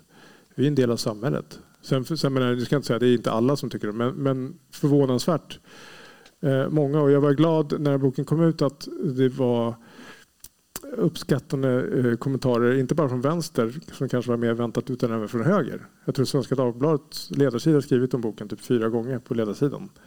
Och det var jag väldigt glad för, för att enligt mig så är det ingen uh, höger-vänster-fråga. Precis som du säger är min tes att det är spelreglerna som är fel på, att det har varit ett riggat spel. Precis som det här monopolexperimentet. Och det, oavsett vad man, vad man tycker så så om man, är, om man är vän av marknadsekonomi så tycker man inte att det är okej. Okay. Ett riggat spel är inte marknadsekonomi. Eh, så att det, jag tror att... Eh, och det, det borde man ju, tycker jag, ta fasta på mer från politiska hållet. Det finns ju massa kloka kapitalister, om man vill så, som man skulle kunna använda i den här debatten. Om man nu vill ha en förändring. Jag menar, Robert Weil har ju till exempel en känd han har skrivit en massa debattartiklar. Han skrev redan på 90-talet om att Sveriges löntagare borde tacka kapitalisterna för att de har avstått så mycket löneökningar till deras förmån. Ja, det finns flera andra exempel. Så att, eh, men men eh, jag vet faktiskt inte varför, eh, varför man är så ointresserad av det här i politiken. Men det är något som diskuteras mycket bland finansmänniskor faktiskt. En fråga till eh, där jag tror att det, det trampades fel. Eh, under Reagan och Thatchers tid så försökte man ju genomföra en sån här brutal kapitalism. Eh, I England försökte Mayor med poll tax, det vill säga att man skulle betala samma fastighetsskatt som vi har i Sverige nu. En sån där enhetlig fastighetsskatt. Där reagerade till och med adeln i England, lordarna, eh, reagerade och sa att det är inte rimligt att jag ska betala eh, lika låg fastighetsskatt som en trädgårdsmästare som bor i det där lilla huset. Och eh, det här vågade man inte genomföra. Man drog tillbaka förslaget där. I Sverige sedan några år senare, eller tio år senare, så hade vi, det var väl någonstans 2010, så var den här debatten om eh, hur vinner vi val? Hur vinner vi socialdemokrater val? Den vinner vi i storstadsområdena, säg Stockholms förorter, Nacka och sådana andra. Och då blev det väldigt mycket fokus på det här att det var villaägarna i de områdena som man var så rädd om för att där skulle vi vinna valet. Och sen dess så gick det så här galet med, med fastighetsskatten på det här sättet så ingen vågar röra i den. Och vi för alltså en debatt där så fort vi pratar om skatt så är det en förlorarfråga för oss. Mm. Skatt, det pratar Moderaterna om. Vi ska ju prata om vad vi vill ha för samhälle, vad vi vill ha som vi betalar gemensamt på det här sättet med skatten. När vi talar om välfärdssamhället, hur bra ska sjukvården vara? Då, då, då vinner vi frågorna. Men om vi pratar om att vi ska höja eller sänka skatten, då är vi inne på Moderaternas planhalva. Mm. Och sen bara en sak till till inflation. Jag var i USA någon gång och träffade på de här Världsbanken-folket om eh, hur vi skulle betala krigen. Det var det Irakkriget som vi eh, hade diskussion om för att jag sa att ja, vi, vi betalade Koreakriget med hjälp av en inflation på 25 procent. Och eh, vi betalade Vietnamkriget med en inflation på 15-16 procent. Hur ska vi betala krigen här nu? Och då säger det här, det var en av Bernhard Ankes eh, män och sa att ja, det här ska betalas på samma sätt som vanligt. Det är inte vi som betalar det. Det betalar vi alla tillsammans. Ni ska vara med och betala den här delen. Därför att dollarn är reservvaluta och den valutan som är orostrigen man alltid drar sig till när det blir känsligt. Förut hade vi en chans med yuanen och euron. Men det har vi ju inte längre, de är ju borta ur bilden. Nu är det fortfarande bara dollarn som finns kvar som reservvaluta trots att vi vet att den är fruktansvärt eh, över, eh, värderad i USA när vi har en statsskuld som är så gigantisk som den är där. Men hur tusan kommer vi ur det här? Har du några planer, idéer där? Nej, nej men det är, det är så. Det får man ofta höra mellan så här att ja, men vi, vi inflaterar bort skulden, inga problem. Men riktigt så enkelt är det ju inte. Eh, därför att problemet är att eh, räntorna ska ju betalas eh, under tiden. Eh, och, och, många länder, men särskilt länder i tredje världen, har ju jätteproblem nu med de här lånen som de har tagit i dollar. Och även i, även i USA så kommer ju räntekostnaderna nu bli ganska, ganska kännbara. Och kommer ju, alltså om prognosen är rätt, gå förbi försvarsutgifterna om bara några år och gå förbi det här Medicaid-systemet. Så, att, så att det är ett problem. Så, um, och det här är också liksom ett risktagande man, man tar uh, i hela världsekonomin. Alltså man ska komma ihåg att man kallar ju eh, finanskrisen 28 för skuldkris. Men det som har hänt, sedan dess är att skulderna har liksom ökat jätte, jätte, jättesnabbt. Alltså vi är uppe på en skuldnivå på 3,5 gånger världens BNP. Alltså en dubbling per världsmedborgare sedan eh, slutet på 90-talet eller början på 2000-talet det är en ganska stor börda som vi har lagt på framtida generationer. Och jag har sagt att jag önskar att det fanns en liksom finansiell Greta Thunberg. Därför att eh, det, det, har man ju sagt så här, men det här är inte bra för barn och barnbarn. De har de senaste tio åren skrattat bort det. Därför att jo, men det är så låga räntor, det är inga problem. Nu är det inte det längre. Nu har vi faktiskt lagt en, en börda på våra barnbarn. Det kommer tränga ut välfärd i många länder. Eh, så att, men jag har inget bra, bra svar på hur man ska komma ut det, men, men man kan säga att dollarn har ju gjort, i det som har gjort att Sverige, eh, USA inte har behövt no, ta något som helst finansiellt ansvar. Alltså när eh, Barack Obama tillträdde så var det statsskulden tror jag, 10 000 miljarder dollar, nu är den 31 000. Så att det, det har ju varit liksom en, det är en ganska obehaglig kurva. Eh, så att, och det tror jag kommer bli eh, kännbart. Och det, kom, det är också en krutdurk alltså eftersom politiskt det är så instabilt. Nu så, om de tar kongressen så kan de ju stoppa en höjning av skuldtaket. Jag vet inte om de kommer göra det, men det, det skapar ännu mer oro. Så att, ja, jag, jag håller med. Det är ju det är ingen lätt situation. Ja, hej. Jag tycker det är en väldigt, väldigt viktig bok du har skrivit. Och jag läste den och blev väldigt upprörd och förvånad, chockad och kände jag vill göra en revolution.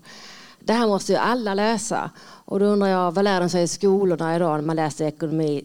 Alltså i skolan, vi hade, det fanns kommunism, kapitalism, marknadsekonomi. Men den här, vad kallas den här ekonomin?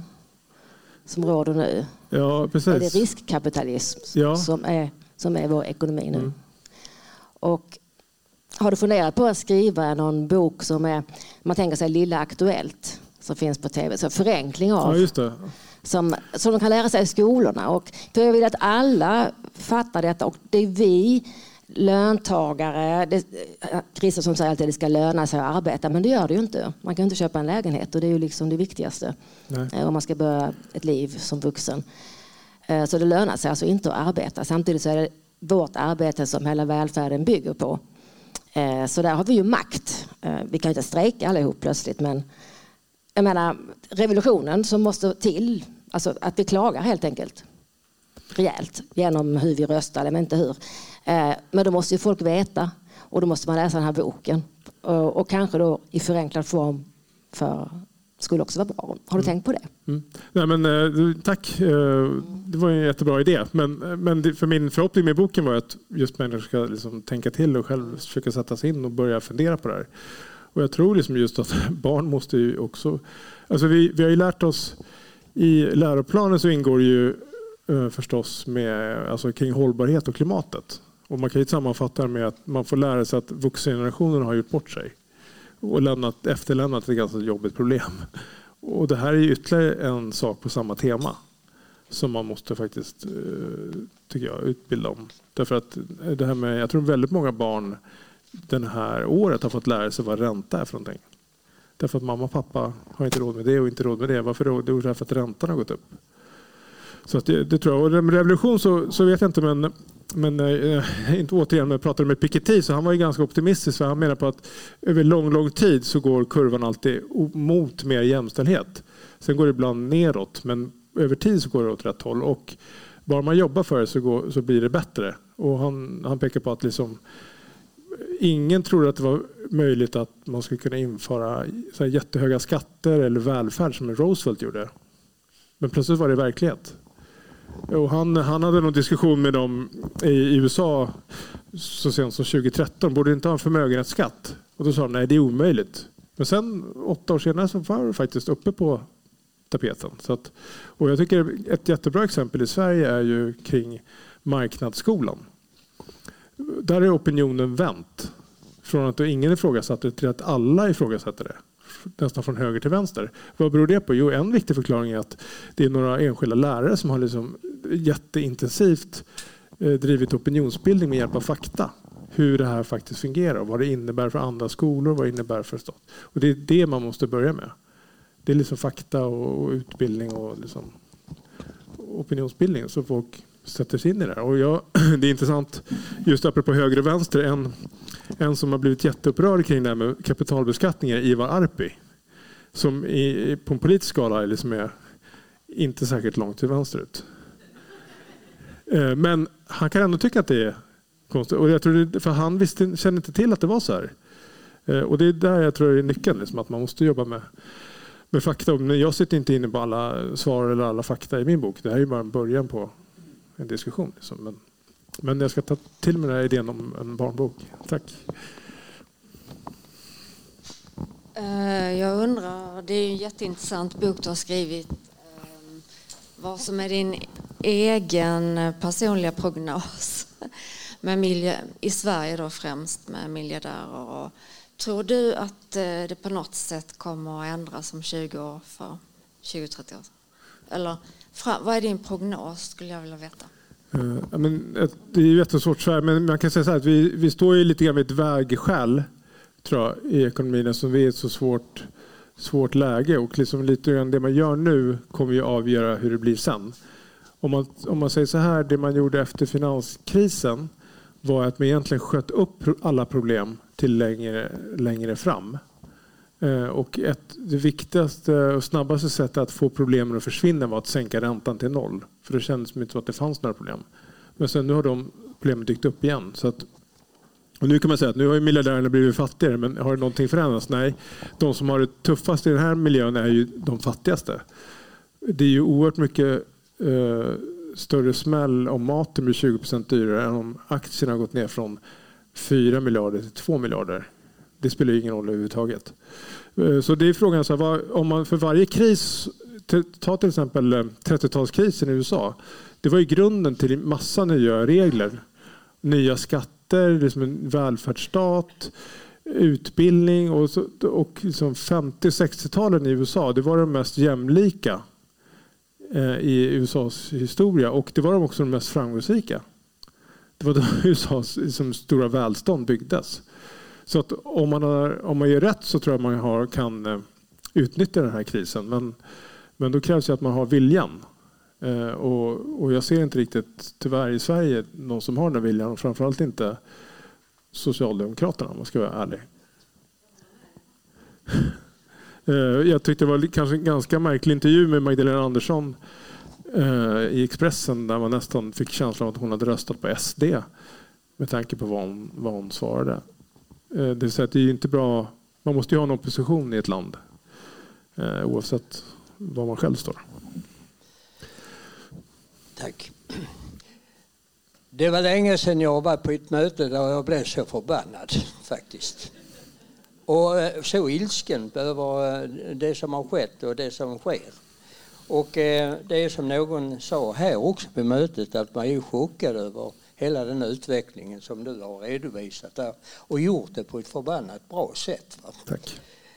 Och det, vi, vi är upprörda och det här innebär ju, tycker jag, att ni som sitter här och vi som är aktiva i föreningarna och sånt där, vi måste jobba på det här. Du var inne på det. Och eh, i alla lägen, det går inte att knyta handen i fickan. Vi ska upp på barrikaderna och försöka få förändringar på det här. Det handlar om rättvisa och jämlikhet i vårt land. Så du ska ha tack för detta. Och du är välkommen tillbaka men i ett senare tillfälle. Sen har jag ett par eh, eh, saker till innan ni får resa er och gå. För det första, boken finns till försäljning här, här ute. Ni kan köpa den och svissa pengar. Han är kvar och signerar böckerna om ni vill det. Eh, det andra är att vår organisation ska göra en studiecirkel i det här. Vi skickar ut information till er som har anmält det och vi har listor på att ni kan vara med i den här studiecirkeln eller bokcirkeln som vi kallar det. Det är tre träffar där man kan sätta sig och resonera om eh, utvecklingen och kanske komma fram med förslag på hur man ska agera. Skriva motioner, skriva förslag, ligga på så att vi kan få förändringar här. Och eh, det tredje är att skulle ni vilja bli medlemmar i eh, Socialdemokraterna Socialdemokrater för reformer så finns det precis utanför här den här broschyren. Fyll i den och lämna den här. Så, eh, för vi har räknat med nämligen att ha fler eh, sådana, seminarier. Vi diskuterar att vi ska få ner Göran Greider. Vi har fått löften om att eh, Suhonen ska komma ner här. Så att vi har en, eh, en, en rad av saker här som vi ska göra. Och dessutom är det en som heter Peter Larsson som har skrivit, eh, har skrivit en bok som blir aktuell till vårsidan som också handlar om orättvisorna i Sverige. Här är mycket på gång och vi hoppas att vi kan ses med det. Och därmed så ger vi han en applåd naturligtvis.